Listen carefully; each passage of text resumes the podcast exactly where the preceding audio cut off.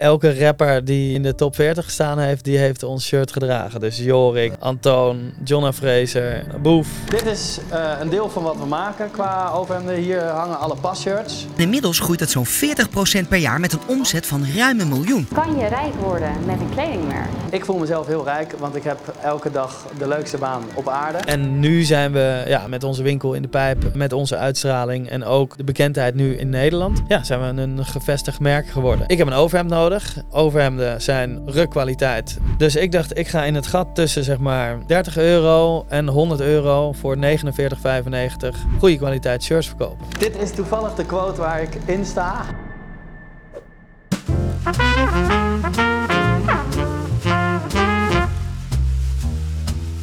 Niek, uh, de meeste mensen als ze aan een miljoenenbedrijf denken, dan zien ze een groot kantoor voor zich, veel mensen, uh, nou ja, gewoon een gigantische organisatie. Dat is bij jullie, doen jullie even net iets anders. Jullie zijn, wat ik heb kunnen vinden, met drie man personeel in totaal.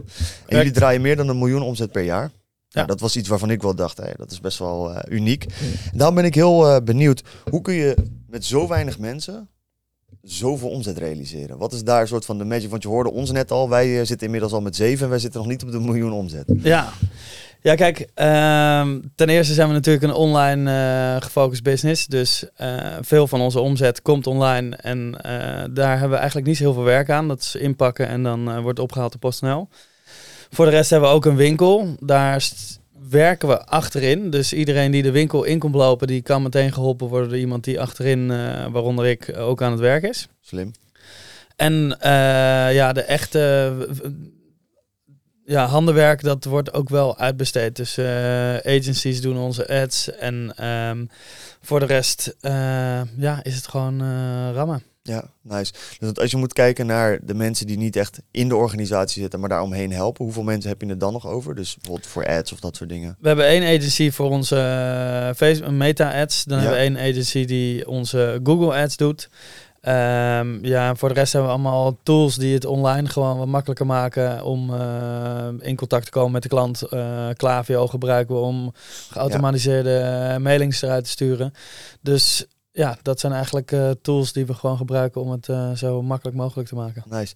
Was met zo'n lean organisatie werken vanaf jou, voor jou vanaf het begin al een soort van visie die je had? Of waarom de keuze om dat ja, zo strak te, te managen? Nou, ik heb wel veel, uh, veel mensen gehoord die zeggen ik wens je veel personeel. Dus ja, dat is ik ben wel opgegroeid met, weet je, de, hoe minder mensen, hoe, hoe beter. Ja.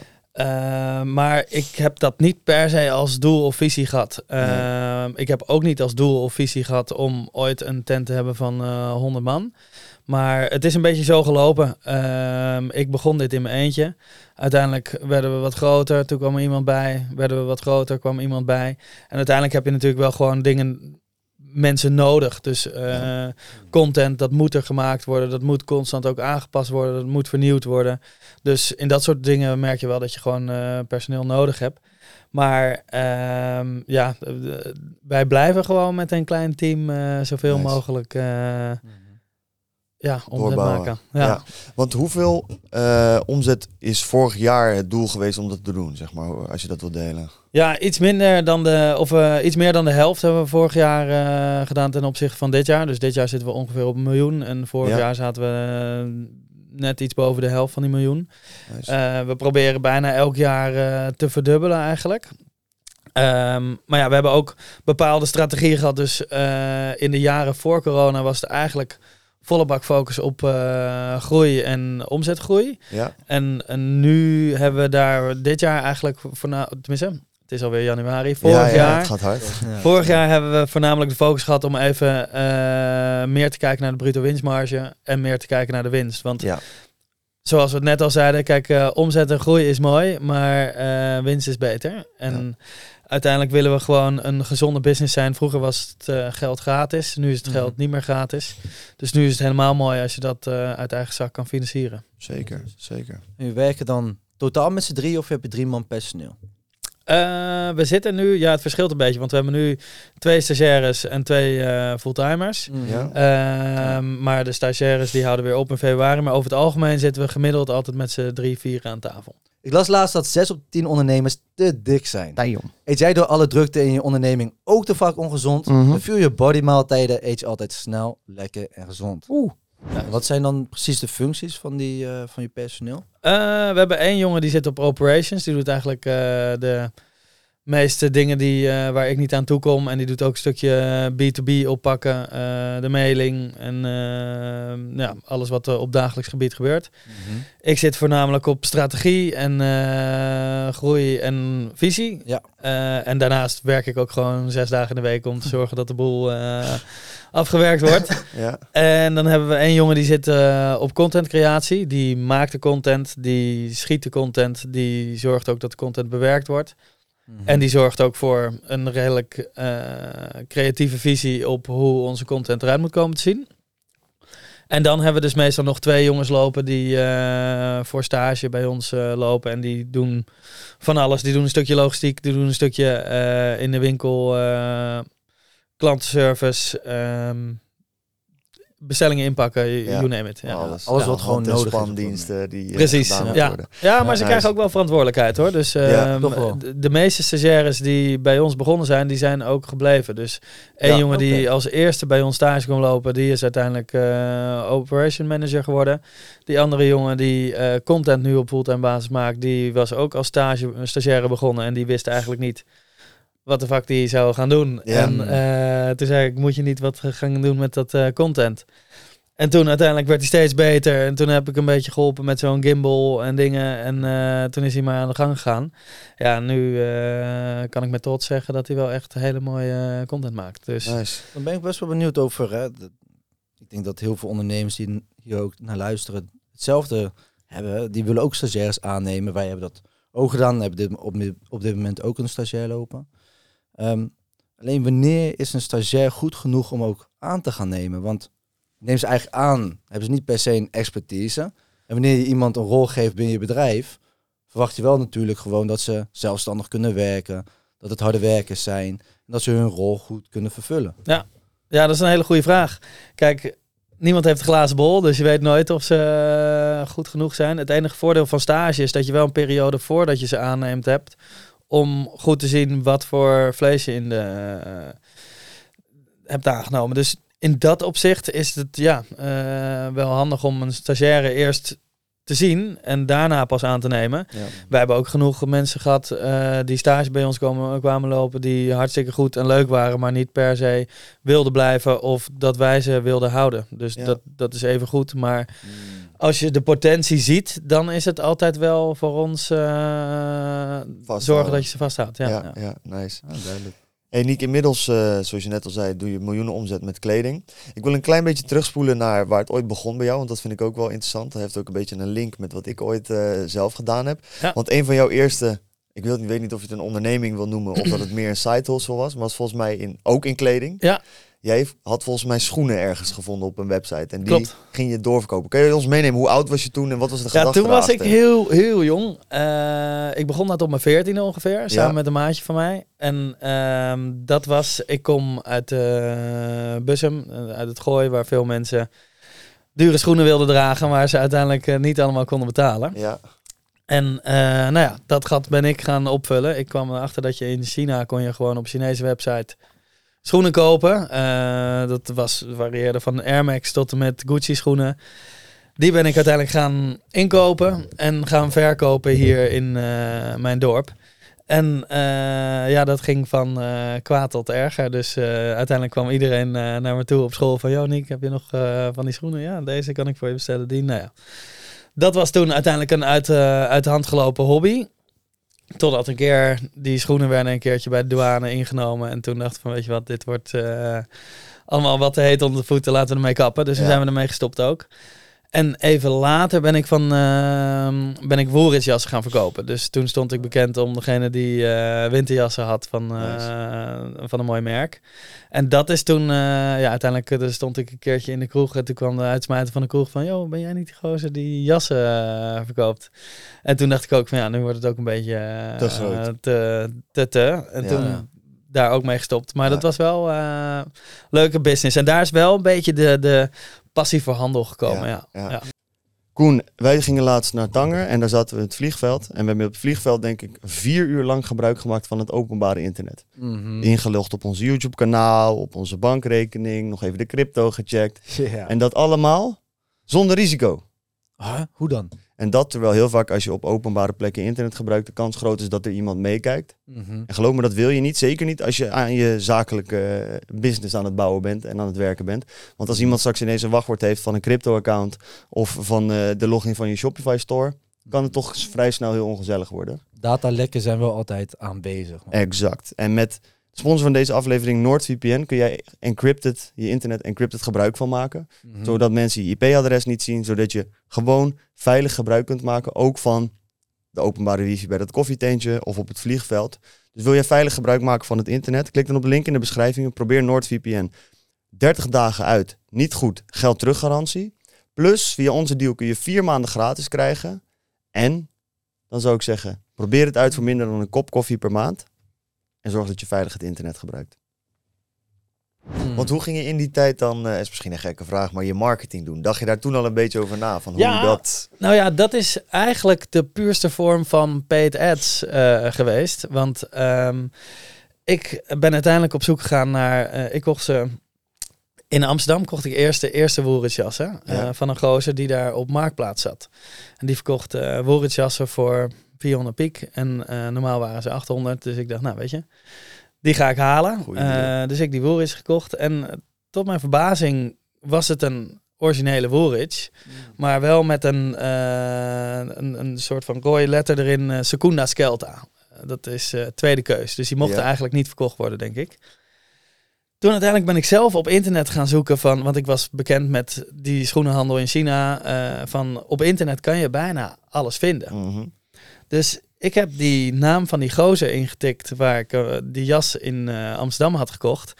En toen kwam ik op een review uit van hem op eBay Italië. Mm. Van de echte verkoper van deze Woeritsjassen. Dus toen heb ik eh, die gozer gemaild, die Italiaan. En ik zei, weet je wat, ik weet dat je goede jassen hebt. Ehm, ik heb een deal voor je. Als je al die jassen aan mij verkoopt en stopt met die gozer in Nederland verkopen, koop ik ze in één keer allemaal. Zei, nou, dat vind ik een goed idee. Dus ik al die jassen gekocht. Nou, aan iedereen die jassen verkocht. En die waren eigenlijk binnen no time weg. Want ik zat op Marktplaats ook met eh, een jas van Woolrich voor 390 euro toen de tijd. Ja. Ja.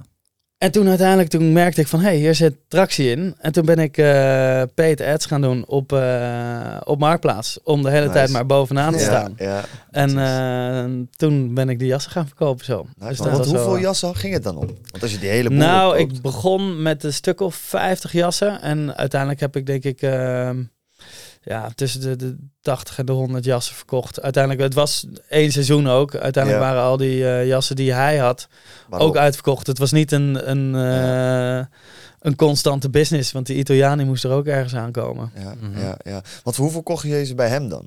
150 euro toen de tijd. Dan heb je ook wel goed, ja, want jouw eerste inkoop was voor 400 bij die kerel. Ja, Dat is een goede deal als je hem daarna zelf naar 150 kunt krijgen. Precies. Maar ja, dat was uiteindelijk eh, weer. Die Italiaan, die was natuurlijk ook bekend met eh, online verkoop. Want hij zat Ja. op eBay. En hij is toen gaan zoeken en hij vond mij op Marktplaats. Marktplaats. Juist. En toen is hij eh, die, ja, eh, die jassen gaan verkopen voor 200 euro op Marktplaats. en ik zag opeens die de Italiaan markt op. Marktplaats. Ik zeg, dus ik hem mailen. Ik zeg, eh gozer, zo werkt het natuurlijk niet. Ik koop die jassen van jou. Moet je niet met mij gaan concurreren. Noem maar een prijs voor je prijsverhoging. Dat is prima. Maar in ruil daarvoor moet je wel stoppen met verkopen op eh, Marktplaats. Ja. Plus, wie de fuck gaat erin een op Marktplaats van een Italiaan kopen? Weet je wel? Dat, Ja, dat, dat gaat niet dat werken. klopt toch helemaal niet? Nee. Dus, nou ja, dat zijn wel, hè, zo leer je wel een beetje Ja, eh, het ja. vak ondernemen en onderhandelen en eh, alle leuke dingen die erbij komen. Want hoe oud was je destijds? Toen was ik 16. Toen, Toen was je eh, 16? Ja, toen was ik 16. Want ik toch een deed. inkoop van al die jassen tegelijkertijd in één keer. Voor een jongen van 16 Ja, zou Hoop ik wel denken, zeg maar als ouder zijn, hoe durf je? Zeg Ja. maar van in één keer, wat is Ja, wat het, vonden je 5, ouders 6k daarvan? Dat er investeren? ineens- nou, eh, mijn ouders 80 wisten niet beter, Ja. want ik was natuurlijk op 14e al bezig met die schoenen. Ja, Ah, ja. En daarnaast draaide ik ook altijd met eh, een maatje van mij. Dus ik was zelf geen DJ, maar Ja. een goede maat van mij die draaide.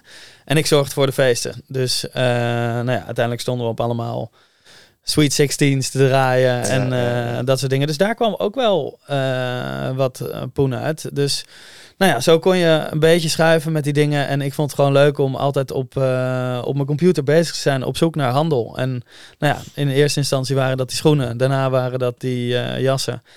Maar zo heb ik ook wel dingen gehad eh, dat ik een keertje wat geld van mijn vader geleend had die niet goed gevallen is. Weet je wel, dat het dan eh, gewoon eh, troep is en een paar, paar uks gekocht die eh, niet rechtop stonden, die gewoon uit ellende in elkaar zakten. Dus Weet je, er gaat ook genoeg mis. Je hoort natuurlijk alle verhalen van de casino's als het goed is gegaan en Ja. niet als het slecht is gegaan. Ja. Maar ik ben in ieder geval wel vaak eh, gewoon bezig geweest. Ja, ja, nice. Ik ben nog wel benieuwd dan, hè, want eh, je gaat dan die schoenen doorverkopen, flippen als het ware. Doe je ook met die jassen. Ja.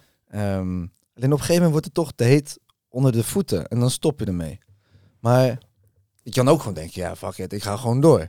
Wat was dan voor jou echt de reden geweest, bijvoorbeeld met de, met de jas, van ja, ik kap er echt mee. Nou, uiteindelijk waren er een paar dingen. Eén, je kan dit niet, je kan niet inschrijven bij de KVK en eh, zeggen dat je boerenjassen gaat verkopen. Want zo, zo werkt het niet. Je moet ten eerste ook aangeven waar je het inkoopt.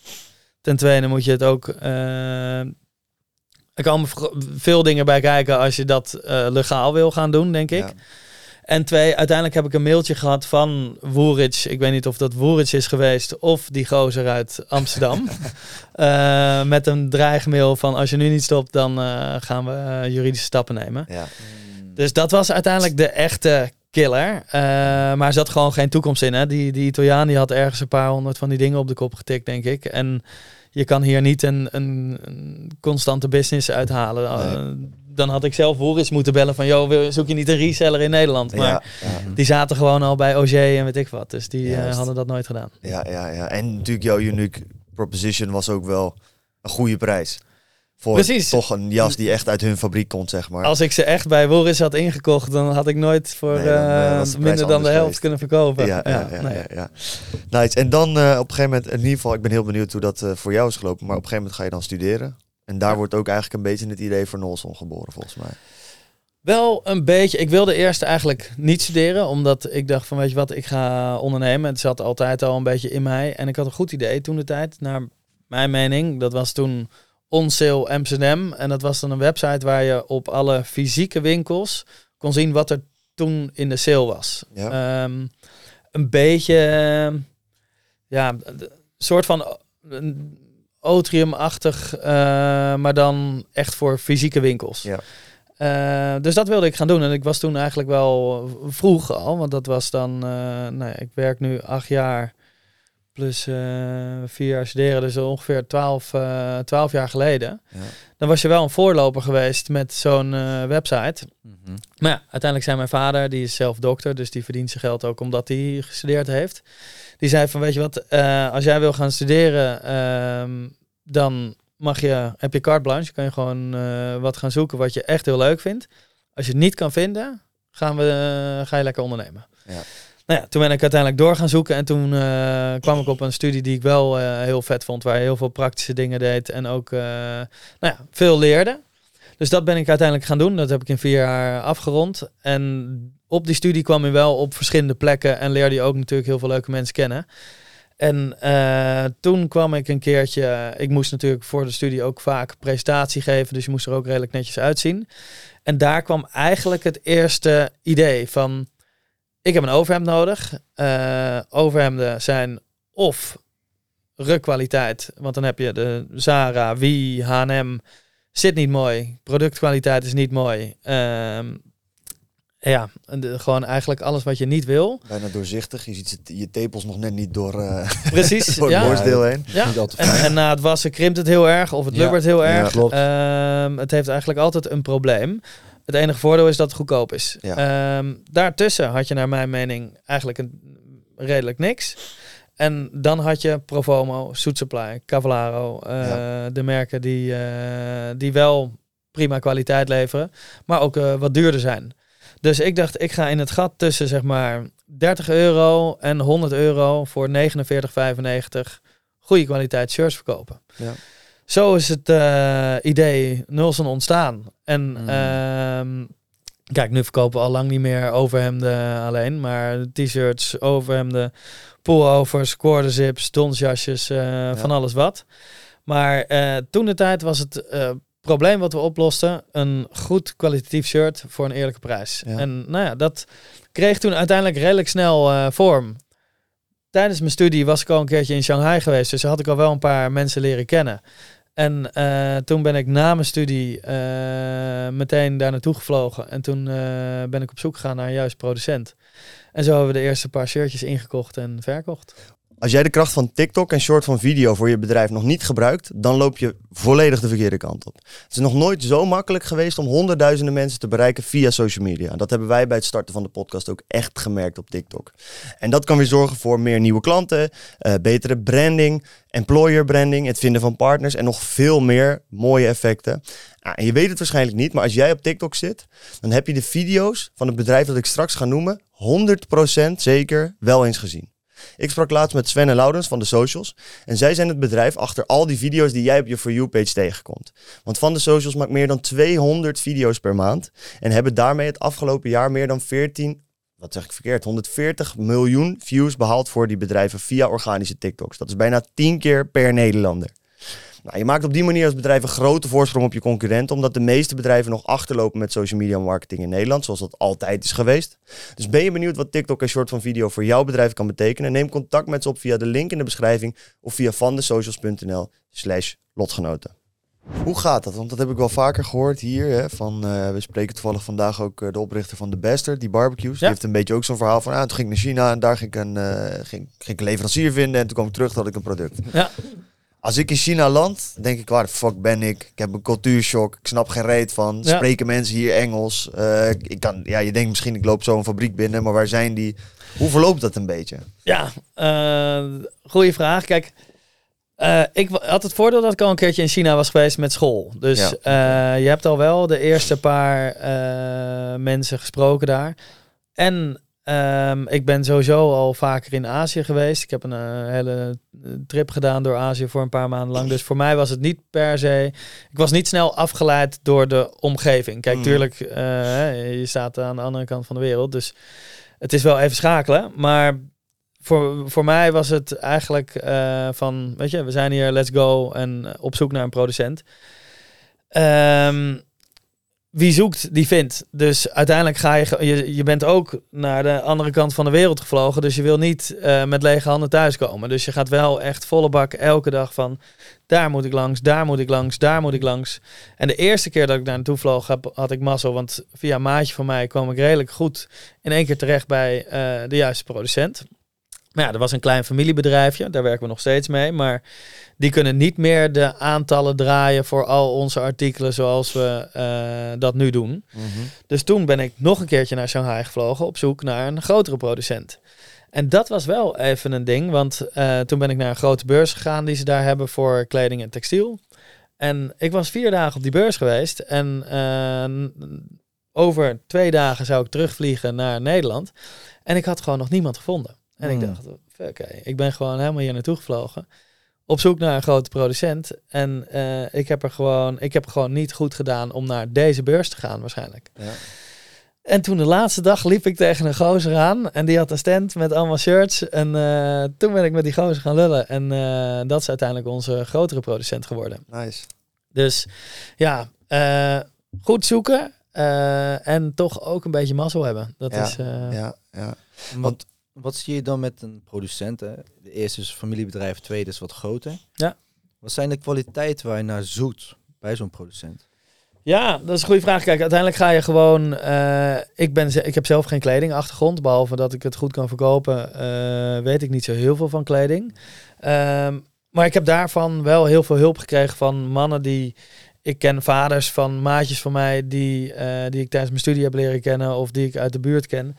Die mij wel op weg hebben geholpen met dit is een mooi kwalite- kwalitatief doek. Eh, deze knopen moet je opletten, want als je die drie keer gaat wassen, dan gaan ze breken.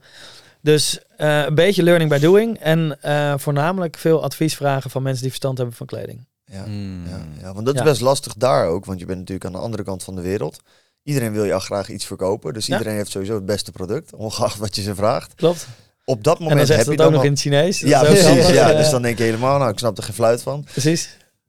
Wat zijn dan op dat moment, weet je dan al genoeg dat je denkt van oké, ik kan met vertrouwen deze keuze maken? Of blijft het dan nog steeds een beetje een gok? Nee, ja, kijk, niks is per se een gok. Want eh, de gok is pas als je... Kijk, bij die grotere co- producenten waren de MOQ's waren opeens 300 stuks. Ja. eh, in plaats van 50 of 10 shirts die het eerst dan per bestelde. kleur en per maat? Of was Per dat kleur, per kleur. Dus ja. op zich eh, was dat nog best netjes uit onderhandeld. Maar ja, Ja. het was wel... We wilden vijf nieuwe producten. Dus het was vijf keer 300 nieuwe stuks. eh, was weer even investeren. Zeker.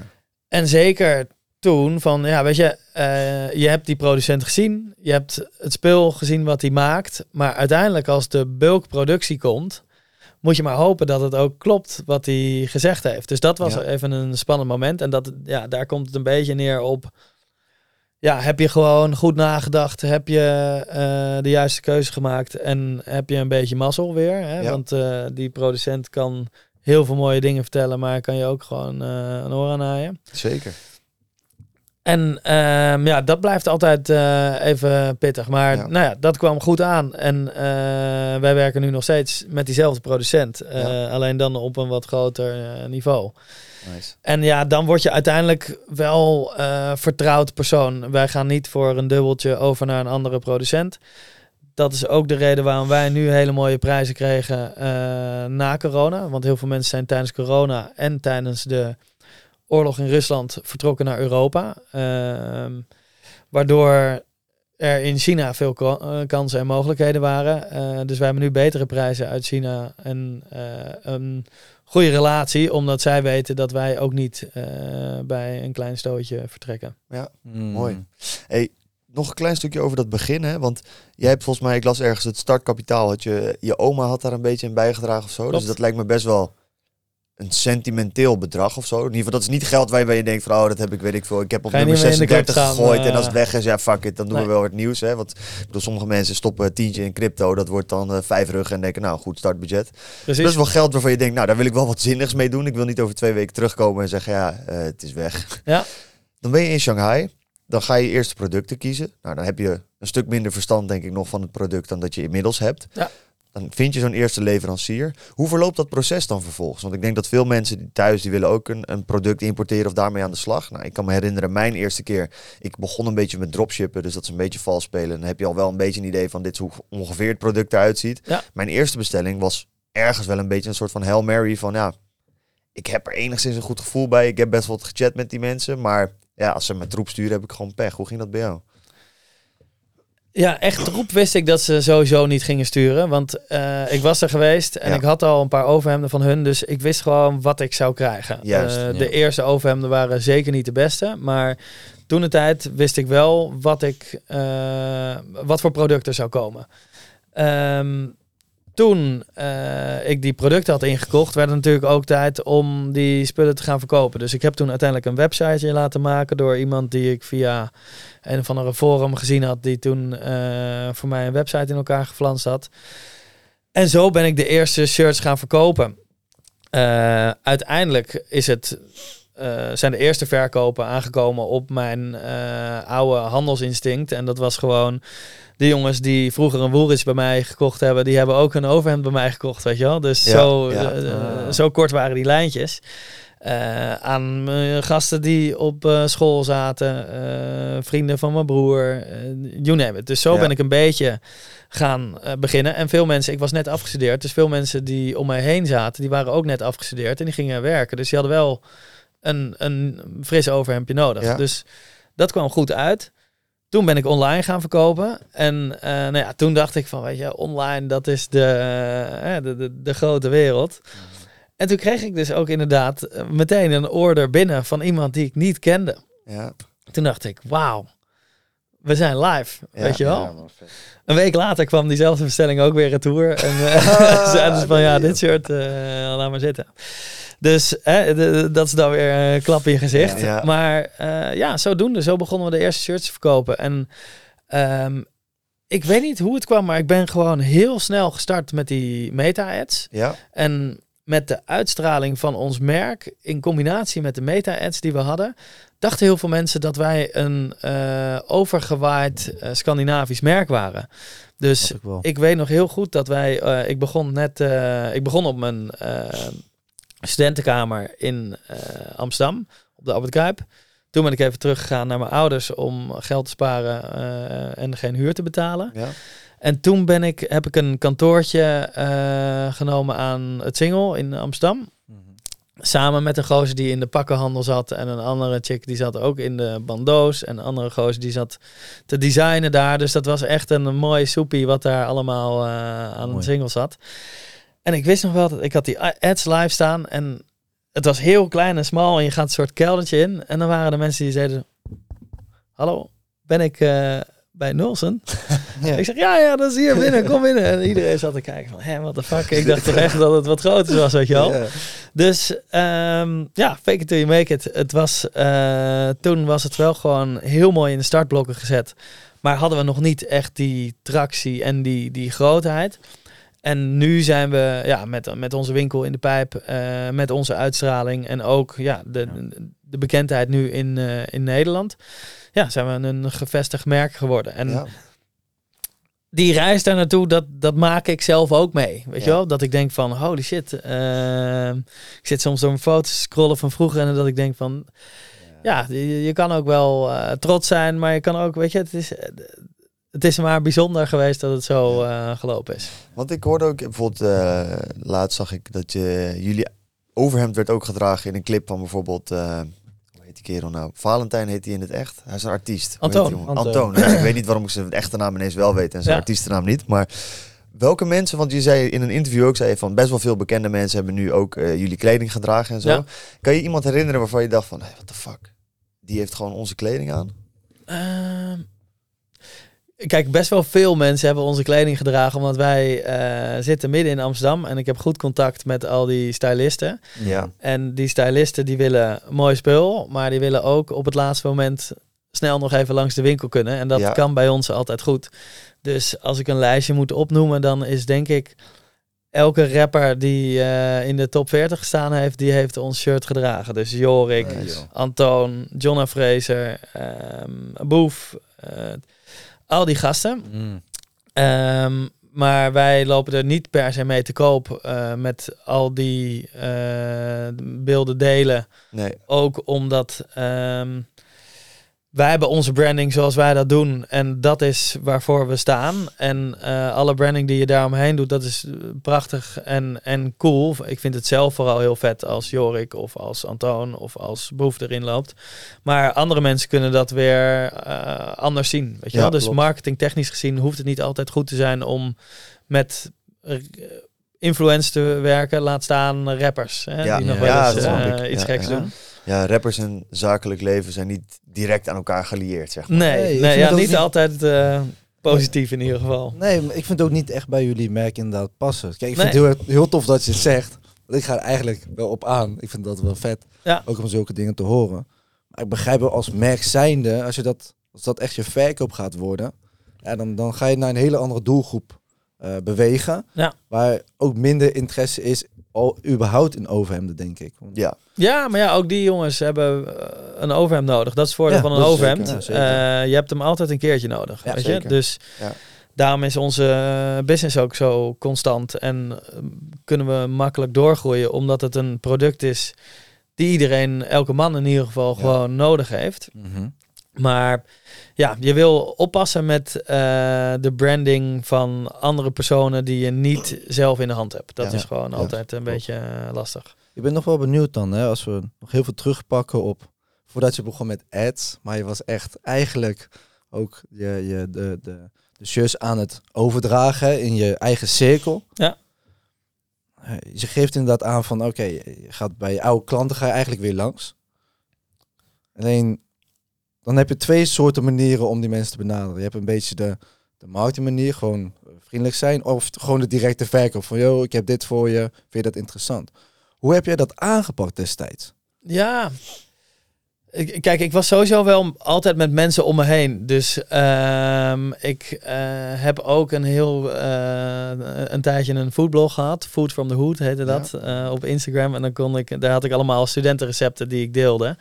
Ehm, maar omdat ik hield van koken, waren ook veel mensen altijd bij ons eten. Dus onze tafel Juist. zaten altijd tien mensen te eten. En als wij een feestje gaven, dan stond gewoon onze hele woonkamer vol met eh, mensen. Dus uiteindelijk is dat denk ik een beetje de combinatie geweest tussen ehm, het veel contact hebben met mensen.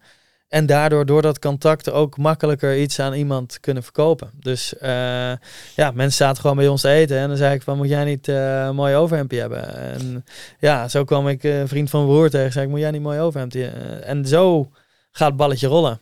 Ja.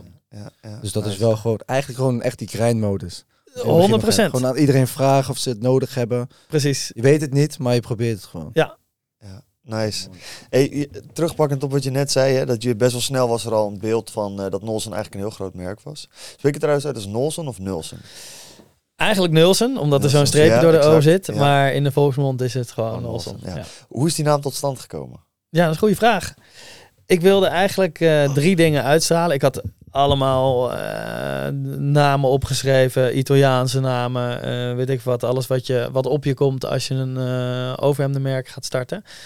Maar uiteindelijk ben ik, die namen werden het allemaal niet. En toen ben ik op een papiertje gewoon teruggegaan naar de basis. En toen heb ik daarop geschreven van ik wil drie dingen uitstralen. Eén, ik wil de jonge gasten zoals wij eh, naar binnen krijgen als ze het ergens zien staan. Dus het moet een, een eye-catcher zijn qua merk voor de jonge man. Twee, het design is wel degelijk echt Scandinavisch geïnspireerd. Dus geen bloemetjes in de boord, geen rode knopen. Het is gewoon een wit shirt is een goed wit shirt. En drie, mensen hebben altijd een goede prijs-kwaliteit perceptie met Scandinavische merken. Dus daar heb je al een beetje het gevoel dat je hoge kwaliteit krijgt voor een goede prijs of een eerlijke prijs. Die drie dingen bij elkaar schreef ik een keertje Nolsen op en toen deed ik een streep er doorheen en toen dacht ik, dit is het. Het heeft voor de rest geen betekenis. Eh, het is ook geen scheldwoord gelukkig in het eh scheelt Scandinavisch of wat dan ook. Ja, en het was gewoon meteen een hit. En ehm, het voordeel is ook dat niemand, omdat het geen woord is, eh, heeft niemand dit ook eh, gedeponeerd of eh, bestond het ook nog niet als URL.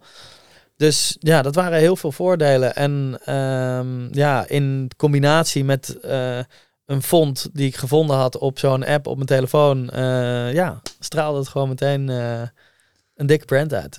Leuk, grappig. Grappig hoe dat tot stand komt dan. Ja. Want het, wat je zegt, het, inderdaad, het doet wel, het voelt wel heel daadwerkelijk Scandinavisch aan, alsof het echt wat achter zit, zeg maar. Maar het is wel Precies. grappig dat het, het betekent dus ook niks in, eh, weet ik veel, het Zweeds of whatever. Nee, nee. Grappig. Maar ja, zo heb je van die barbecues eh, natuurlijk eh, de bastard, maar je hebt ook die eh, Italiaans-Nederlandse naam. Hoe heet Oh ja, nou? Barletti of zoiets. Ja, precies. Die, die eh, gasten zijn eh, volgens mij ook eh, gemaakt door Bart en nog wat. En dan bij elkaar Ja, hebben ze... eh, ja, ja, ja. Mooi is dat. Ja, zo komen die dingen barbecue-merk tot van stand. gemaakt. Ja, mooi, mooi, Ja. leuk. Hey, heb je momenteel, want wat jij zegt, ik denk dat er veel mensen zijn, zeker als ze kledingmerken willen starten, die er naar eh, jagen, dat het vrij snel gezien wordt als legit. Want dat draagt denk ik heel erg bij bij ook eh, kopersvertrouwen. Hè? Dat iemand denkt, oh, dit ziet eruit zo die merk, daar durf ik mijn geld wel aan uit te geven. Ja. Zou jij nu nog steeds, als je de markt zou moeten betreden, hoe zou je dat nu aanvliegen? Want bijvoorbeeld meta-ads en dat soort dingen zijn tegenwoordig heel anders dan toen. Ja. Zou je zoiets nog kunnen doen? Als klein merk jezelf neerzet alsof je er echt al legit een lange tijd bent. Ja, de- zeker weten. Want ik zie om me heen ook wel ondernemers die nu pas eh, een jaartje bezig zijn, die ook door het dak gaan. Kijk, meta-ads zijn veranderd, maar daar in ruil zijn natuurlijk wel weer eh, TikTok-kansen gekomen. Dus Ja. kansen zijn er altijd. Eh, de vraag is alleen hoe je, welke kansen je in gaat zetten om je succes te bevorderen. Ja. Eh, dus ik zou nu ook nog wel starten met eh, iets. Die tijden waren wel anders in de vorm van ehm, online was gewoon wat minder groot. Dus je had eh, met een winkel nog wel echt eh, verschil te maken. En dat is nu wel wat anders. Kijk, onze winkel die draait mooie omzetten, maar dat is niet per se waar we het nu van moeten hebben. En is ook wel ja, vroeger zou je het nooit zeggen, maar het is gewoon eh, nu corona gevoelig. Hè? Voor hetzelfde geld gaan we weer een jaar dicht. Kan je Ja. weer eh, een jaar lang eh, je hut dicht doen terwijl je wel de huur doorbetaalt. Ja. Dus er zijn wel dingen die veranderd zijn in de afgelopen tijden. Maar ik zou nu zeker nog wel het aandurven om te starten. Ja. En het zit hem er dan dus vooral ook in, in het zoeken naar waar op dat moment de kansen zitten. Ja. Dus waar je goedkoop veel bereik kunt creëren, zodat er heel veel mensen zijn die zien dat jouw merk daar is. En als je dan zorgt dat je enigszins goed komt opdagen, dan Ja. kan je die naamsbekendheid Ja, creëren. en je moet toch, naar mijn idee, als ondernemer altijd een probleem oplossen. Dus Ja. eh, kijk, Mhm. zoals jullie misschien het probleem oplossen van eh, waar vind ik online ehm, genoeg denkstof om beter te worden. Hè? Eh, dat kun je bij jullie vinden. Ja. Bij ons, waar vind je online een hoogkwalitatief basic voor een eerlijke prijs? Dat kan je bij ons vinden. En tuurlijk zijn er, hè, er zijn genoeg podcasts, er zijn genoeg kledingmerken die hetzelfde doen als wij. Maar om onderscheidend te zijn, doen wij onze, hè, eh, hebben wij onze kwaliteit, die hebben we beide, en hebben we onze branding, hebben Ja. we beide. Dus in dat opzicht kan je altijd onderscheidend zijn, maar je moet, naar mijn idee, als je een product of een service begint, moet je een probleem oplossen. Anders gaan mensen niet uit het niets je googlen of zoeken. Nee, Nee. Eens. Als je dan kijkt naar bijvoorbeeld hè, de ads die in het begin draaiden, Meta. ehm, wat was je strategie daarachter? Had je een strategie of ging je gewoon dingen testen en proberen? Voornamelijk dat. Ik had, kijk, het- was niet zo groot. En je- heel YouTube stond ook nog niet vol met hoe je dit eh, ging doen. Dit was 2016. Dus Ja, vroeg. het was eh, nog niet helemaal eh, duidelijk wat die ads deden. En... Maar ik kreeg wel redelijk snel door dat dat werkte. Dus mensen kwamen gewoon... Ik, ik deed een ad maken op mijn computertje op de single. En dat weekend later kwam er iemand binnengelopen in de winkel, fysiek, aan de hand van een advertentie die ik ergens op het internet had staan. Ja, en als je dat echt gewoon fysiek meemaakt, dan denk je, wauw, hier zit potentie in, weet je wel. Ja. En dan ga je gewoon nog meer ads, nog meer testen. eh, tot ook een punt dat je denkt van, oh shit, eh, deze maand hebben we 6000 euro verbrand. En 10.000 euro omzet gedraaid, weet Ja, je wel. Dit ja. gaat niet goed. Dus je bent constant aan het testen en constant aan het kijken. Maar wat duidelijk was, is dat je voor weinig geld veel bereik had toen de tijd. Hmm. Kun je ons dus meenemen in een soort van flyover van dat eerste jaar? Dus je, je gaat naar Shanghai, je hebt je eerste producten, dan verkoop je de eerste eh, 20, 30 stuks, verkoop je. Ja. Ehm, en dan? Hoe ga je dan jaar één soort van door? Ja, jaar 1 is gewoon echt passen meten. Dan heb je, eh, ik dacht, omdat ik maatje 38 had, dat maatje 38 de best verkochte maat zou zijn. Maar ja, dat was het niet. Dus ik had 20 maat 38's en eh 3 maat 40's. Maar maat 40 was de best eh, verkochte maat. Ja. Dus je bent met zoveel dingen bezig. Je bent die advertenties aan het optimaliseren. Je bent de website. Ik had toen een eh, WordPress website. Nou ja, als je daar een afbeelding erin zette, dan schoot er daarin uit. Ja, Dus dat was één grote ellende. Ja. Eh, dus daar was je mee bezig. Dan was je bezig met.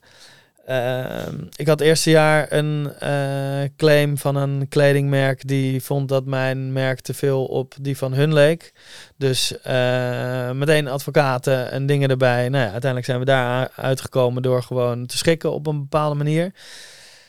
Maar ja, dat, hè, daar ben je ook. eh, je hebt net een paar honderd shirts met Nolsen erin en je hebt een website met Nolsen erop en opeens komt er iemand die zegt je kan je merknaam niet gebruiken, weet je wel? Dus Ja, je bent het eerste jaar constant aan het schakelen met van alles. Ja. En ehm, zo ben je elk jaar met honderdduizend verschillende dingen bezig, maar dat jaar stond wel gewoon in het kader van wat fuck ben ik eigenlijk allemaal aan het doen? Ja. Eh, alle balletjes omhoog houden en hopen dat het werkt. En heel erg in het moment leven waarschijnlijk. Ja, gewoon en nu gewoon dit, hard werken. Ja, ik was ja, gewoon ja. elke dag bezig en elke dag proberen. Dit moet beter, dit kan Mhm, beter. ja. Ehm, ja, Ja. En het is op dat moment wel gewoon je fulltime baan, zeg maar. Is dat Ja. het enige waar je mee bezig bent? dat was het enige waar ik mee bezig was. En ik had ook wel, kijk, eh, ik had die 8000 euro van mijn oma eh, geïnvesteerd. Dus je wil dan ook niet kappen, weet je wel. Ja. En eh, je wil het gewoon tot een succes maken. Dus eigenlijk alles waar, wat ik aan kosten had, probeerde ik te verminderen. Dus ik, ben, ik heb mijn huur opgezegd in Amsterdam. Ben teruggegaan naar mijn ouders voor een halfjaartje. Ehm, dus alles wat niks met de zaak te maken had, was gewoon klaar. En dan ga je gewoon bouwen. Dus ik had een salaris van, wat was het, eh, duizend piek eh, per maand om Ja. te zorgen dat ik in ieder geval, eh, de, de, dat was ook om te zorgen dat ik kon eten, dat ik de trein kon nemen, weet ik wat. Dus zo, zo begon het. En Ja. dan uiteindelijk dan werk je op en hoop je dat je weer wat in Amsterdam kan huren. En zo Juist. ging het gestaag eh, Ja. weer eh, beter. Kies je Ja. ook wel een plek van alle plekken. De duurste plek om te huren. In Amsterdam, In. Amsterdam, ja. Eh, ja en nee, want kijk, eh, dat was ook de plek waar je het makkelijkst kon groeien als kledingmerk. Ja. Mm. er zijn de ja, meeste mensen. Dus, en het was zeker. de stad die ik ken. Dus helemaal eens. Hè. Ik had ook in, ehm, in Maastricht kunnen beginnen. Ja. Maar eh, daar kende ik niemand. En dan was het waarschijnlijk eh, nooit gelukt. Nee, nee, Nee. ja, precies. Want je gaat dan terug naar je ouders. Je hebt eigenlijk een salaris van 1000 euro, wat niet zo heel veel is. Eh, je Ja, toen misschien nog wel minder zelfs hoor. Dat Ja. was echt... eh, En, en je werkt zes dagen, zeven dagen in de week. Eh, je sociale interactie gaat omlaag. Je ziet je vrienden misschien wat minder. Je kan ook minder dingen doen. Ja. Ehm, hoe ging het toen mentaal met je? Was je gewoon op die grindmodus? Of was het ook echt mentaal een uitdaging om door te blijven gaan?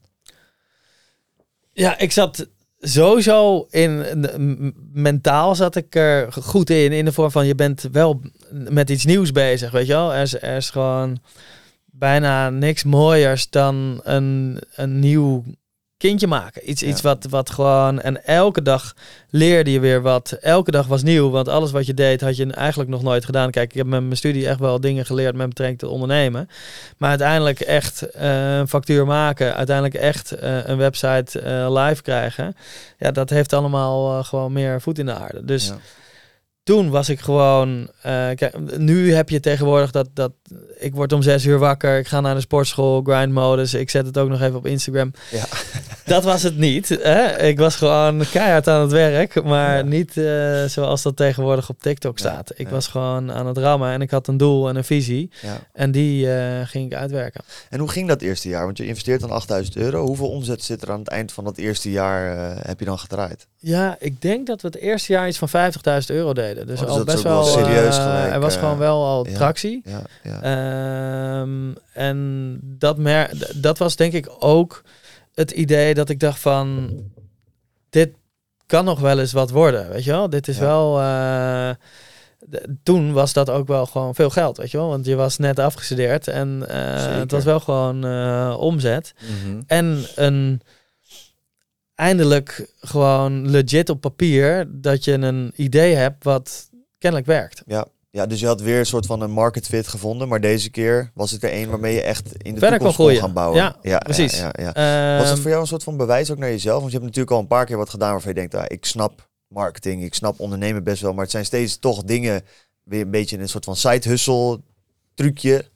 En nu had je een keer iets echt gebouwd waarvan je zegt van, hé, hey, was dat voor jou nog een moment dat je dacht, hé, hey, dit kan ik ook?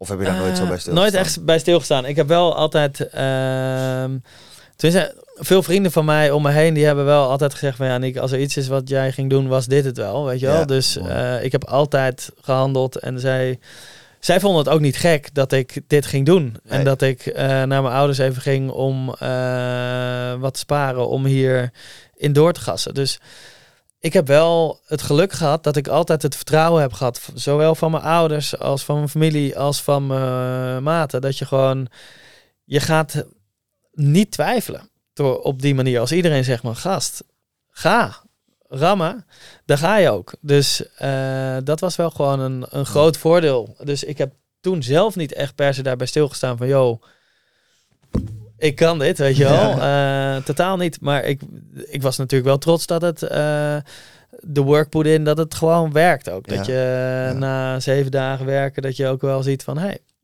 dit gaat eh, ergens naartoe. Hey, dan heb je jaar 1 gehad, hè? Dat is een soort van, eh, ja, de, de, de opstart. Ja. Dan eh, jaar 2 tot 4. Wat voor dingen komen er dan allemaal tegen? Hoe gaat het dan ongelooflijke stroomsnelheid? Of, of tegen wat voor dingen loop je dan aan?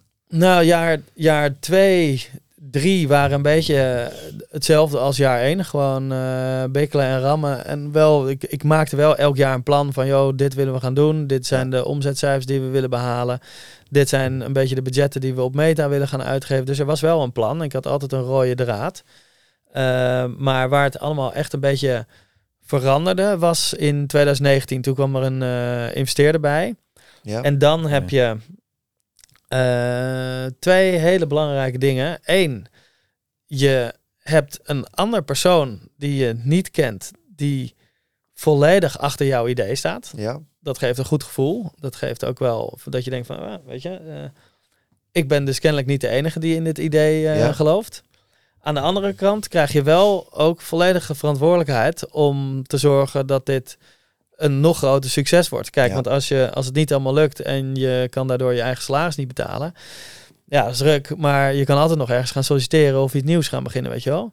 Eh, maar iemand anders geld verbranden, dat is lastiger. Weet Ja. wel? Dat is, eh, tenminste, daar heb ik meer moeite mee. Er zijn ook ondernemers die zeggen altijd eh, gewoon nooit eigen geld. nooit eigen geld. eigen it, als het niet werkt, Nee. Ja, ja, geen probleem.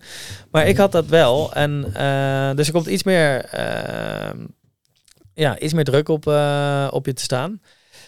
Maar toen was er ook wel eh, wat meer geld om mee te gaan spelen. Dus toen zijn we nog harder op die meta-ads gegaan. Nog meer eh, nieuwe collecties gaan uitgeven. En ja, toen werden we echt een, een brand. In plaats Ja. van zeg maar een kledingmerk, werden we gewoon wel een, ja, een, een, een beginnend established brand. En ja, zo zijn we echt hard gaan groeien. En ja, merk je dat je gewoon, eh, die investeerder zit nog steeds aan boord. En dat is ook een, eh onderhand een, een goede maat voor mij geworden. Dus ja, nu zijn we echt wel op een eh groter niveau bezig. En dat is eigenlijk allemaal begonnen sinds 2019. En begon dat met dat artikel in de quote? Waarin je, ja, ja, ja, leuk. Want dat, dat heet volgens mij Kickstart, heten die items Klopt. of zo. Hoe is dat dan, komt dat tot stand? Want je zou kunnen zeggen, 50.000 euro is nog best een bedrag dat je bijvoorbeeld kan lenen bij de bank of zo. Hè? Dus waarom de keus om een investeerder te gaan zoeken? En vervolgens, hoe kom je dan terecht bij, via de quote, zo'n item? Nou, ja, dat, dat is dus allemaal van die dingen. Die lopen dan maar zo, gek Ja. genoeg. Eh, die heb je niet in de hand, maar die gebeuren wel zo. Ik werd via via een keer uitgenodigd. Iemand die kwam, eh, of iemand stuurde het naar mij, maar het ging uiteindelijk om de pitch van Quote. Quote die had op YouTube vroeger een soort van rubriek waar je kon pitchen als startende ondernemer. En dan eh, kreeg je daar het podium van de Quote. En uiteindelijk deden twaalf mensen mee aan die pitch of zo. Dus ik deed mijn pitch. En uiteindelijk was ik de winnende pitch. Niet wetend dat het ook echt een eh, competitie was. Dus toen eh, die pitch gewonnen. En toen ben ik een paar keer op dat op het kantoor geweest van Quote. Een keertje flesje wijn meegenomen. En Paul bedankt van, joh, eh, dankjewel voor de, voor de exposure, weet je wel. Eh, en toen zei hij van, eh, ja jongen, eh, goed gedaan en je hebt gewonnen. En ehm, je doet het goed. Toen even later werd ik gebeld eh, in 2018 door de quote van, joh, ehm, zou je in de quote willen staan? Ik zeg, ja, tuurlijk, Uiteraard. weet je wel. Ehm zei ze, ja, we hebben een rubriek eh, pitch, dus wat je gedaan hebt op YouTube, maar dan eh, echt in de quote op, eh, op papier. Enige voorwaarde is dat je wel op zoek moet zijn naar geld. Toen dacht ik, ja, nou ja, pak het. Ik noem gewoon een bedrag. Ik zei, ja, ja, ik ben altijd op zoek naar geld. Ik zoek 50.000 euro. Toen zei nou mooi, nou, dan gaan we nu een interview doen en dan knallen we het erin. Nou, niet wetend wat de impact zou kunnen zijn. Uiteindelijk eh, komt dat quote-artikel online en de telefoon stond rood gloeiend. Eh, want ten eerste, wat is 50.000 euro voor mensen die, Die echt eh, al wat knaken hebben, ja. geld verdiend hebben, weet je wel? En ik had ook onderaan in dat artikel geschreven van, bij mij kan je het investeren, maar je had het ook uit kunnen geven in een weekje Saint-Tropez. Dus Ja, ja, de- mooi, je had wel meteen ook die mensen die dat zouden doen ook even Ja, getriggerd. getriggerd van, oh ja, hij heeft gelijk ook. Dus heel veel mensen hadden mij gebeld en heel veel mensen wilden hier ook wel insteken, want het was ook de tijd dat eh Mr. Marvis net ook begon, weet je wel. Dus veel mensen Ja, hadden dat, ja. die, die, die single brand op een specifiek artikel. Dat, dat was toen wel een, eh, in ieder geval voor investeringswereld een interessante pitch. Ja. Dus eh, veel mensen die belden mij. En uiteindelijk kwam eh, mijn huidige investeerder ook met een telefoontje. En eh, die kocht, zijn, zijn dochter, die kende ik een beetje. En die kocht altijd met vaderdag of kerst, kocht hij een wit shirt voor haar vader. Ja. Ehm, want die vond mijn shirts eh, zijn favoriete shirts. Dus hij zag dat quote-artikel en toen heeft hij mij meteen gebeld. En toen zei hij van, yo, ik heb al jouw shirts. Ik zie dit quote-artikel, what's the plan? Ja. En toen zijn we een keertje Nee, kopje joh. koffie gaan drinken. En met hem klikte het eh, in één keer heel goed. En zo zijn we gaan vlammen. Nice. Ja. Want het blijft een investeerder. Een Ja. investeerder die geeft dan geld, maar wil dan ook vaak een percentage ervoor terugkrijgen. Eh, hoe ga je dan die onderhandelingen in? Weet je een beetje wat je dan terug wil geven? Eh, Heb je een bepaald percentage in je hoofd zitten op dat moment? Nou, niks in je hoofd, zeg maar. Niks, niks wat ik toen gedaan heb is gebaseerd op, eh, op een berekening in mijn hoofd. Behalve, wil ik met jou werken? Dat is Ja. puur op gevoel en eh, intuïtie. Maar ehm, mijn broer die had een aantal slimme vrienden. Hij heeft zelf eh, gymnasium gedaan en masters en dingen. Alles wat ik niet had. Dus toen heb ik aan hem gevraagd van... joh, kan je me niet helpen met de berekening? En ehm, toen heeft hij en een heel goed maatje van hem... die ook in de finance zat... die hebben een, eh, ja, een soort van deck gemaakt... zoals ze dat ook bij die investeringsmaatschappijen... of bij M&A-brokers doen hoe dat er ongeveer uit moest zien. En eh, wat we in de toekomst voor omzet wilden gaan draaien. eh, een beetje in het plan. En toen ook met hè, ehm, hoe duur is het om een klant aan te kopen op Meta. eh, wat is de ROAS die je doet. Beetje dat hele, hele pakket. Dat heb ik in een eh, document gezet. En dat heb ik voorgesteld aan hem. En ehm, ik wist dat ik graag met hem wilde werken. Maar ik wist ook dat er eh, tien anderen in de rij stonden om ook mee te investeren. Dus Ja. je hebt wel een betere onderhandelspositie.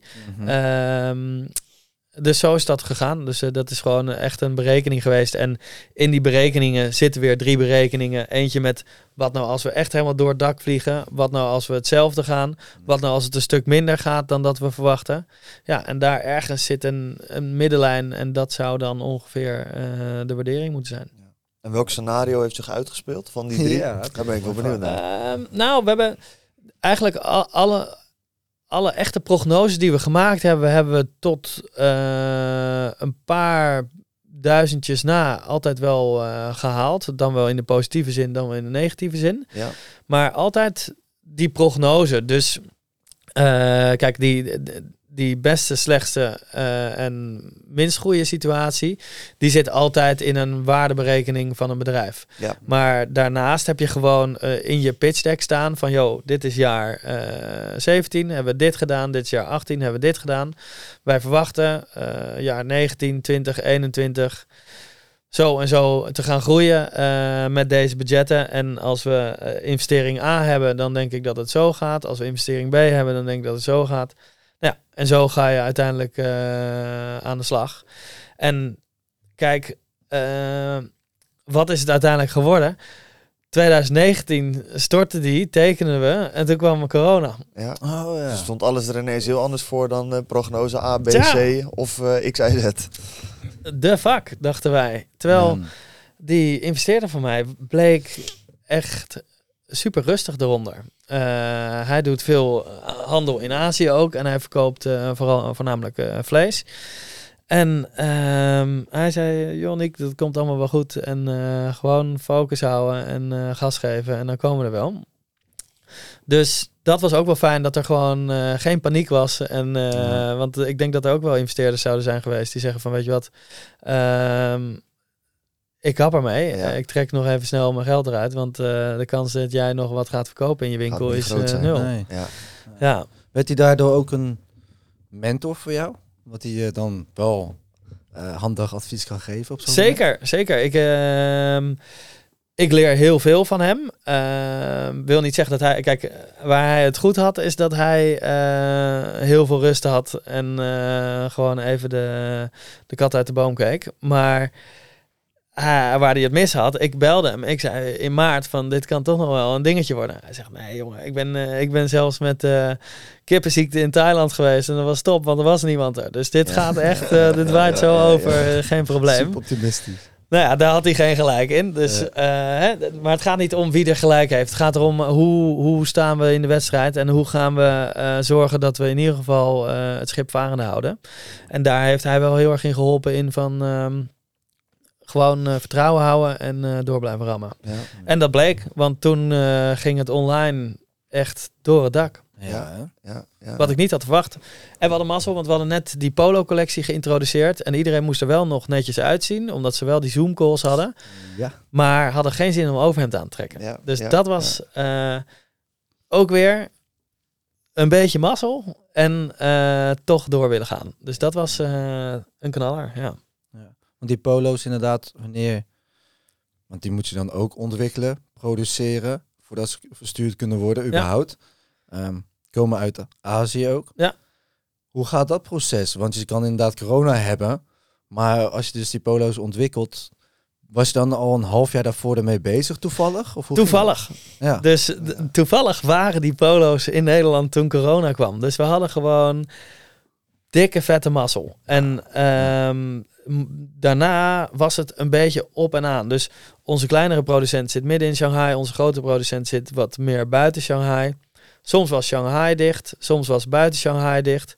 Soms was Europa dicht, terwijl Azië open was. Oh, ja. Dus het was een roulatie van hoe gaan we zorgen dat die spullen hier komen. En we hebben echt wel eens de hoofdprijs betaald om het in het vliegtuig te rammen en te zorgen dat het zo snel mogelijk hier kwam. ja. Maar we hadden toch veel mazzel dat op de juiste momenten de juiste voorraad er was eh, voor de juiste periode. Dus die polo's die waren volle bak, net op voorraad, toen eh, Rutte zei, jongens, we gaan op slot. Ja. Mooi. Ja, dat is perfecte Timing. timing. Ja. Het is wel interessant, dat, dat merkte ik ook heel erg. Want ik had ook eigenlijk een beetje in die coronatijd dat mijn webshopje met inkoop vanuit China ook het ding ging doen. Je bent altijd, en in ieder geval dat was mijn perspectief altijd, van, ja, het is heel hard zoeken. En als je dan eenmaal een product hebt dat je aan de man kan brengen, dat mensen op schaal willen kopen. Ja, dan is de weg naar eh, het goud is gelegd en dan kun je gas gaan geven. En dan kom je er langzaam achter dat eigenlijk het hele stukje supply chain, de Ja. producten.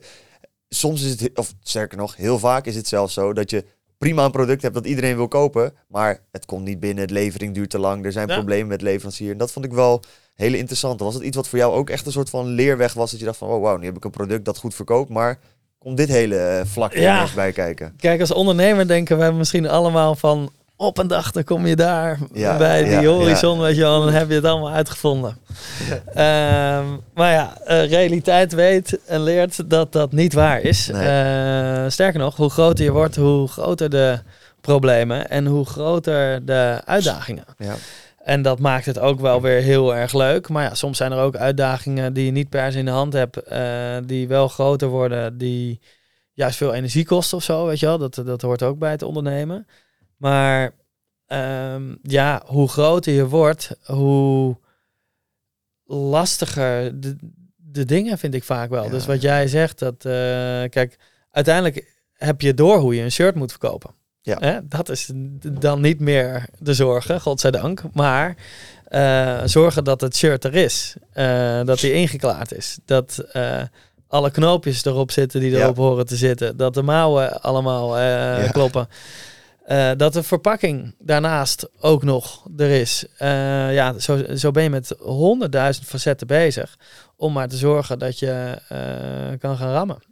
ja, ja, en dan komt er ineens een heel ander spel bij kijken. Precies, ja. En dan heb je het ook weer hè, cashflow dingen. We hebben ook wel eens op een maandje gestaan dat we gewoon eh eh 30.000 euro btw moesten betalen en 30.000 euro op de rekening hadden staan. Wel Ja. heel veel shirts, maar geen, eh, geld. geen geld meer. Ja, ja, en dan zit je van jongens, wat gaan we doen? Nou ja, dan zit er maar één ding op. 20% korting. Ja, en Hup. eruit vlammen gewoon. Alles ja. eruit. Ja, en dan had je de volgende dag had je te kijken naar de rekening van holy shit. Eh, dit moeten we vaker doen. Ja. Hmm. Eh, maar die dag daarvoor zat je gewoon, kon je niet slapen omdat je geen idee had hoe je dit in godsnaam ging betalen. Ja, ja, snap ik wel. Het leven van een ondernemer. Altijd bewogen. Altijd bewogen. Ja, hè? ja, ja. Ik ben nog wel benieuwd dan bijvoorbeeld, je hebt het nu over korting. Nou, op dat moment was het een eh, strategische keuze. Ja. Nu zie je tegenwoordig eh, dat er echt veel met korting wordt gegooid. Hè? Ja. Je hebt Black Friday, de kortingen worden steeds groter. Eh, voor elk klein dingetje kan er wel een korting worden gegeven. Ja. Ja. Met jouw ervaringen, wat is daarvan het effect op het moment dat je geen korting geeft? Gaan de verkopen daardoor dalen?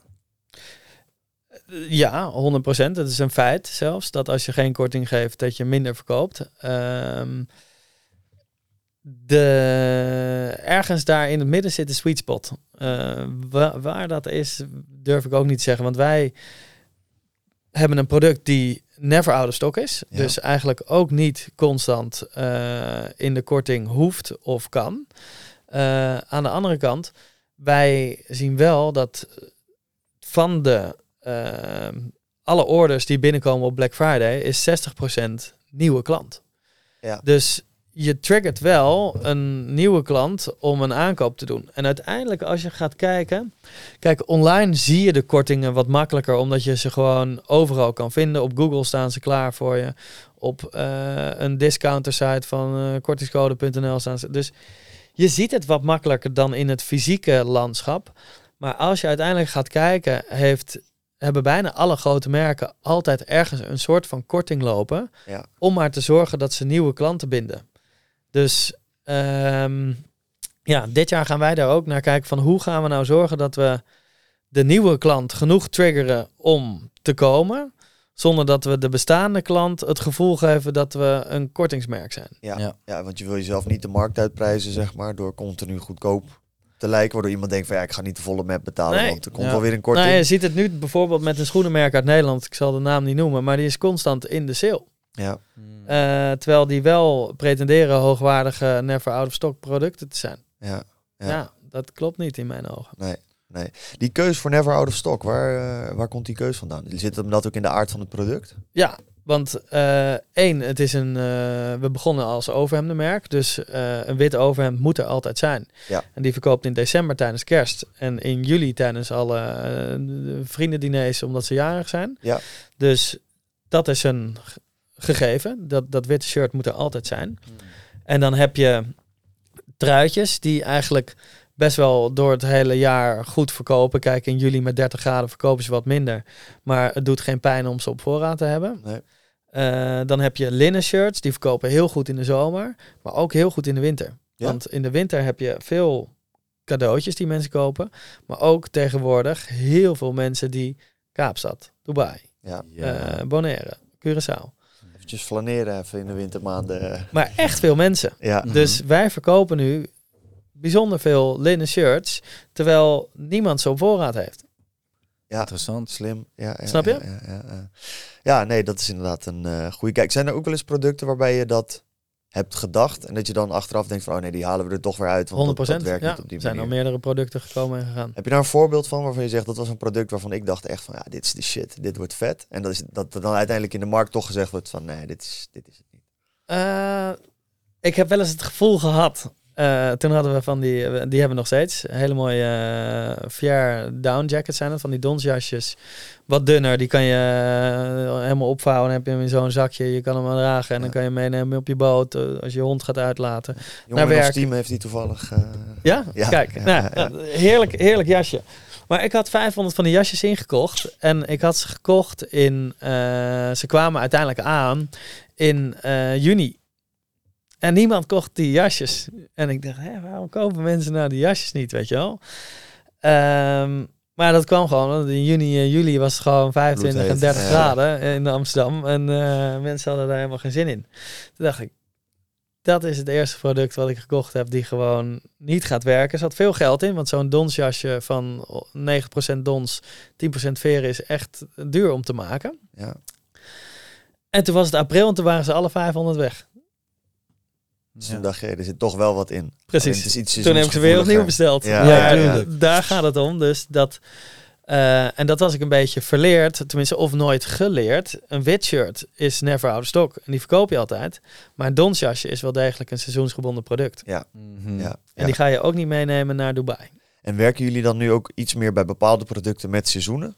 Of is dat nog steeds niet echt een manier waarop, eh, waarop jullie werken? De voorraad wordt ingekocht op seizoenen. Maar hij is er over het algemeen altijd op voorraad. Ja. Dus soms is de voorraad wat sterker dan andere tijden in het jaar.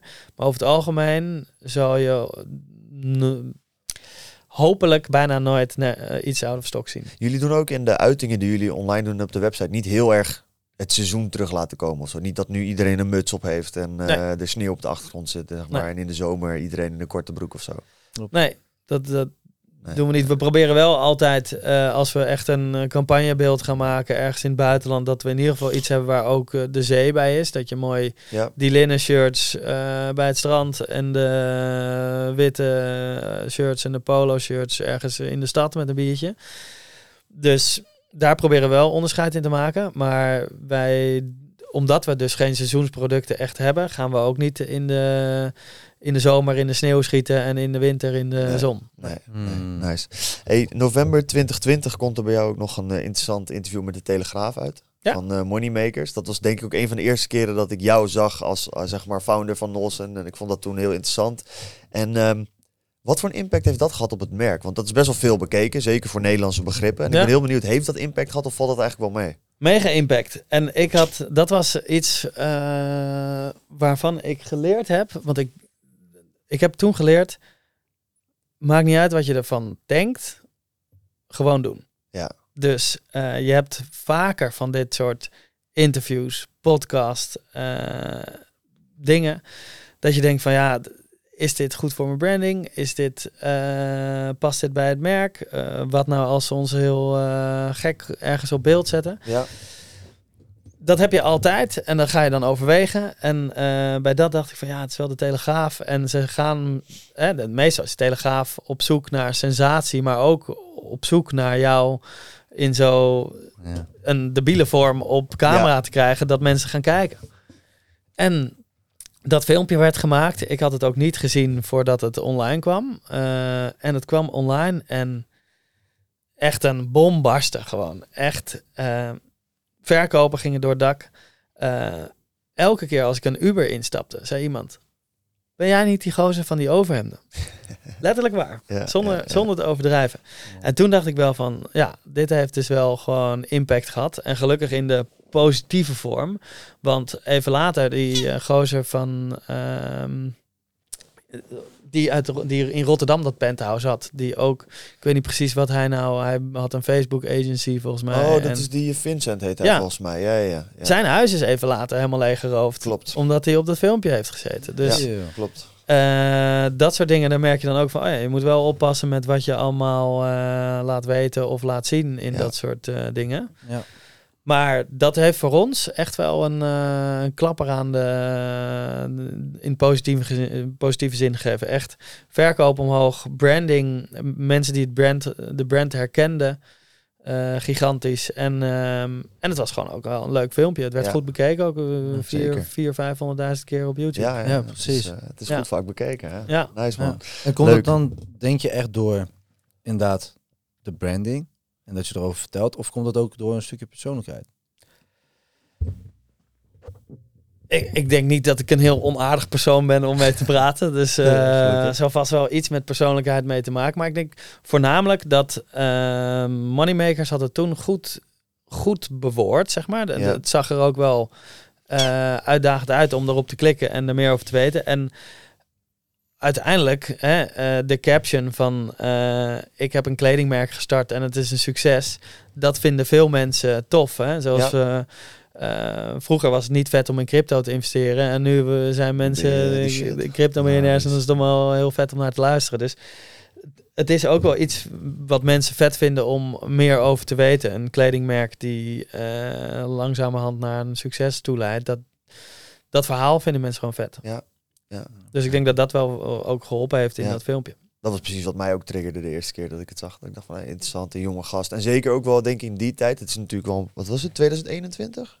Of 2020? 20 denk ja, ik, dat is ja. toch niet heel, heel lang geleden. Maar voor mijn gevoel was het toch ook in die tijd nog wat meer uniek of zo. Ja. Inmiddels heb ik het idee dat je dat heel veel hoort. Iedereen is op TikTok zijn bedrijfjes aan het delen en doen. En Ja. Dat was toen nog wat minder, heb ik het idee. Dus ik denk dat er ook veel mensen waren die dat wel interessant Nou ja, vonden. of het was minder in die open. Hè? De- Ja. Daar heeft TikTok natuurlijk wel een, eh, in bijgedragen. Dat je ziet nu alles. Je, en je hoort alles. Dus je, overal waar je wat over wil horen of zien, is gewoon in handbereik. Ja, Ja, dus dat klopt. was vroeger natuurlijk. Vroeger moest je in principe de quote lezen om vette ondernemersverhalen te, te Ja. lezen. Nu, nu is het overal. Wordt het gewoon in iedereen's algoritme gespamd. Zelfs als je er geen zin in hebt, dan krijg, je het gewoon te zien. eh. Ja, Ja. maar ja, zo Ja. ben ik ook op jullie gekomen. Omdat ik natuurlijk ook in een bepaald algoritme zit op, op eh, Insta. En toen kwam ik jullie tegen. ja, dacht ik, ja. hey, Daar doet het algoritme een Dat hoop is goed vet. voor je. Ja, ja. Precies. Ja. Ja, dat is wel leuk. En dat is ook wel mooi wat je zegt in het begin, hoe jij gebruik maakte van meta. Zo hebben wij in het, in het begin heel erg gebruik gemaakt van eh, een TikTok op een slimme manier, YouTube op een slimme manier. Ja. Dus wat je zegt, hè, als je zoekt naar de plekken waar op dat moment ruimte is en kansen liggen, ja, als je die slim eh, gebruikt. Als je die dan, slim benut, dan... eh, Ja. En er zijn zelfs mensen die ze niet slim benutten, maar wel benutten, die ook succesvol worden. Zeker, ja, dat heb je, dat hele first movers advantage. Als eerst iets Klopt. doen, dan kan je het echt als een maloot uitvoeren. Maar Precies. omdat je de eerste bent, werkt het vaak alsnog best wel goed. Ja. Ja, maar dat zie je met heel veel jongens toch? Dat heb je nu met. eh, dat was je eh, tijdens corona met Clubhouse. Dat ze in één keer heel veel mensen erop zag Ja. eh, droppen. En elke dag live waren. Ja, je hebt ook hele grote jongens ertussen zitten.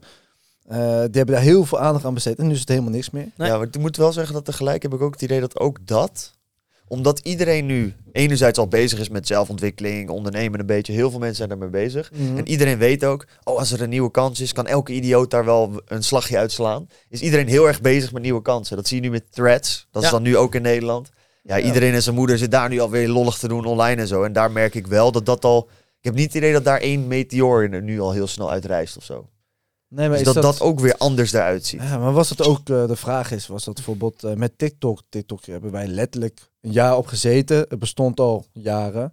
Ja. Eh, maar zeker dat ik het al een half jaar kende of zo. Toen duurde het bij mij eventjes voordat ik erop ging. Nou, toen gingen we ook met de lotgenoten gingen we erop. Ja. Dan hebben we nog zeker een jaar, misschien anderhalf jaar erop gezeten. Dat mensen zeiden van ja, het is toch voor kleine kinderen.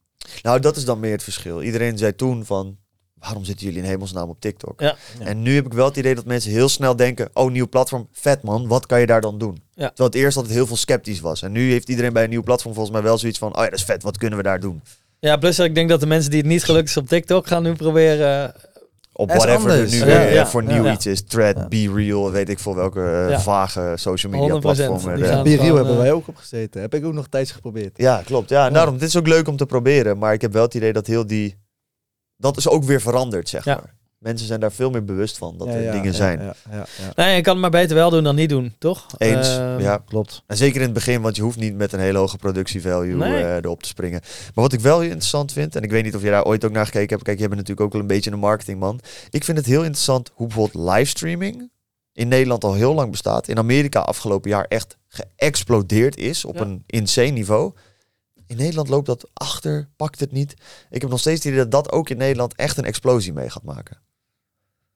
Ja, dat is een goede vraag. De- Ik vind dat gewoon heel vaag. ik heb wel gemerkt dat alles kan tegenwoordig. Dus Ja. eh, het kan inderdaad nog exploderen. Ik denk alleen wel dat eh, de Nederlander ehm, nog wel kiest wanneer hij op zijn telefoon zit. Dus Ja. eh, een Amerikaan zit echt constant te consumeren. Dus als dat Ja. Geen Insta live meer is, dan is het wel een, eh, een daar live. of whatever, een, ja, of eh, kick, of weet ik het, ja. Dus ik denk dat de consumptie van media en vooral social media in Nederland wel anders ligt dan in Amerika. Ja, maar denk je nu anders en nog veranderend in de trend? Of denk je dat wij echt blijvend anders zijn?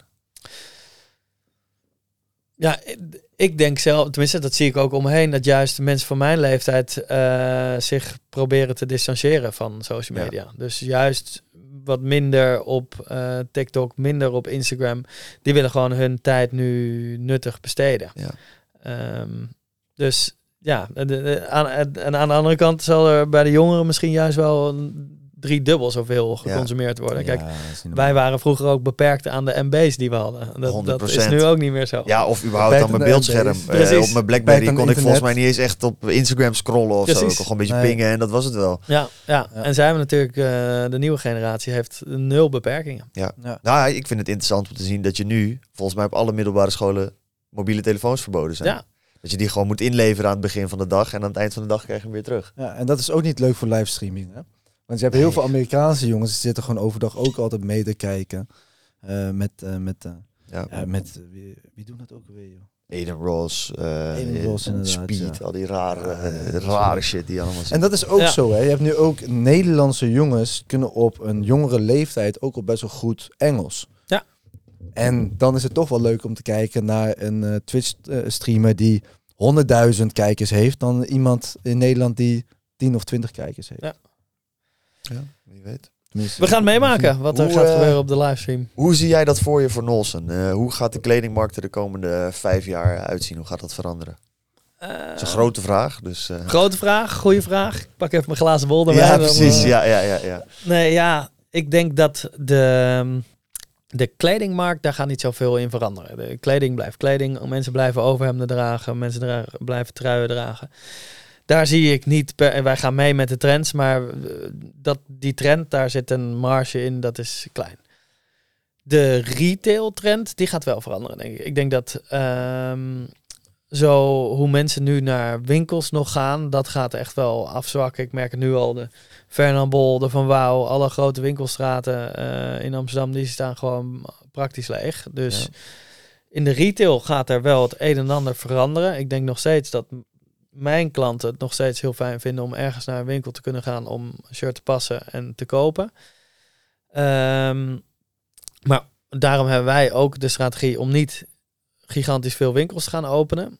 Ehm, ik denk dat de online wereld, als je die goed bespeelt, nog steeds heel veel kansen biedt. Ik ken heel veel mensen zeggen, ja, er zit een daling in de eh, online eh shoppenmarkt. Ja, tuurlijk zit er een daling in als je het vergelijkt ten opzichte van alle coronajaren. Maar als je Mhm. het ten opzichte van De jaren voor daarvoor. corona, dan is het nog steeds verviervoudigd of vijfvoudigd misschien wel eh, ten opzichte van die jaren. Dus de online markt heeft nog heel veel potentie, maar je moet ju- eh, weten op welke kanalen je moet zitten en eh, hoe je het aan de man brengt. En de service is daar nog steeds gewoon heel belangrijk in. Dat als iemand een retourtje wil aanmelden, dat er een telefoonnummer is om te bellen. eh, Ja. Dat er geholpen wordt met de retour, dat je geld teruggeboekt wordt bij een retour. Hè. Er zijn heel veel mensen die zeggen, ja, eh, die doen dan in hun eigen voorwaarden van eh, als je iets in de sale gekocht hebt, dan eh, krijg je geld niet meer terug. Ja. Ja, juridisch gezien mag dat gewoon niet in Nederland. Nee. Dus dat soort dingen. als je maar goede service biedt, dan blijven mensen ook bij je komen en blijven ze ook tevreden. En we zijn er hier om een bedrijf op te bouwen. En niet alleen om geld te verdienen. Dus dat soort dingen, qua branding, qua service, dat hoort er ook bij. En dat geeft ook eh, voldoening aan jezelf, omdat je een, een mooie brand bouwt. Dus dat staat er allemaal te veranderen. En voor de rest denk ik dat, we, dat er nog genoeg kansen zijn om eh, weer met 40 tot 60 procent te groeien. Ja, want eh 40 tot 60 procent, dat beginnen langzaam flinke bedragen te worden die er elk jaar bij komen. Ja. Hoe ehm, ziet jouw projectie voor de komende drie tot vijf jaar eruit dan? Blijft dat continu zo hard groeien? Dat denk ik niet. Eh, ik denk dat dit jaar hebben we nog wel gewoon veel kans, omdat we met veel nieuwe collecties gaan komen en eh, iets meer budget hebben voor eh, de social media Ja. ads, sowieso voor de ads, omdat we vorig jaar wat meer op de winst hebben gezeten, hebben we nu een bakje geld over om te verdelen in groei en Ja. niet meer in, in bruto winst. Dus dat gaan we, zo gaan we op die manier proberen die 40 tot 60 procent groei eh, te bereiken. En in de komende drie jaar denk ik dat als je de strategie hebt die we nu hebben eh, in een wat groter jasje eh, doet, dan, dan blijf je elk jaar in ieder geval nog wel tussen de 10 en de 30 procent groeien. Maar ik durf het, kijk, veel mensen vragen aan mij van ja, hoe ziet het over vijf jaar eruit? Ja, die projecties durf ik al lang niet meer te geven, want in tijden Eén van coronajaar ja, was en, dan weer een oorlog, dan Ja. weer dit. Eh, nu zit het eh, hele kanaal weer eh, vol met boten, omdat er daarop geschoten wordt en gezeik. Er is altijd wat. Dus ehm, probeer nou, wij proberen in ieder geval voor dit jaar een heel strak en solid plan te hebben. En volgend jaar zien we wel weer eh, Ja. wat er dan staat te gebeuren. Netjes. Nice. En als je dan... Jullie blijven in Nederland? Of zijn jullie ook al internationaal bezig? We verkopen wel het een en ander in het buitenland, maar we, doen, we draaien geen ads in het buitenland. Dus eh, we zijn fully focused op de Nederlandse consument. Ja. Ja. En is het voor jullie ook nou, een idee om op een gegeven moment naar het buitenland te gaan? Uiteindelijk wel. De vraag is alleen dan welk, eh, welk land. Want eh, Duitsland is het grootste land. Dat is natuurlijk eh, het mooist. Maar Duitser koopt ook weer wat moeilijker. Dat zie ik ook Ja, fysiek in onze winkel. We zitten op een locatie waar ook wel veel toeristen rondlopen. En een Duitser, die heb je gewoon simpelweg wat minder snel in een overhemd dan een Nederlander. Dat Ah, verkoopt gewoon wat moeilijker. Dus misschien is eh, Spanje wel veel beter of juist wel Scandinavië. Eh Ja. I don't know. We zijn er wel een beetje onderzoeken naar aan het doen. Ehm, maar ik ben nu van mening dat hier kennen mensen ons al een keertje. Hebben ze ons al een keertje bij Moneymakers gezien of hebben ze ons al een keertje in de quote gezien. Dus hier is de kans dat iemand converteert gewoon groter en daarom goedkoper. Eh, dus we gaan eerst gewoon hier de vijf nog even leeg vis- vissen en dan eh, Ja. op naar het buitenland. Lijst. Mooi man. Ik ben dan nog wel eh, benieuwd. Van oké, stel hè, eh, je bent weer eh 20 of tenminste je bent jong, eh, einde van je studie, maar misschien midstudie. En je wilt inderdaad weer een kledingmerk beginnen. Maar met de ervaring die jij nu hebt gehad. Wat zijn, zouden de eerste stappen zijn om dan te gaan ondernemen?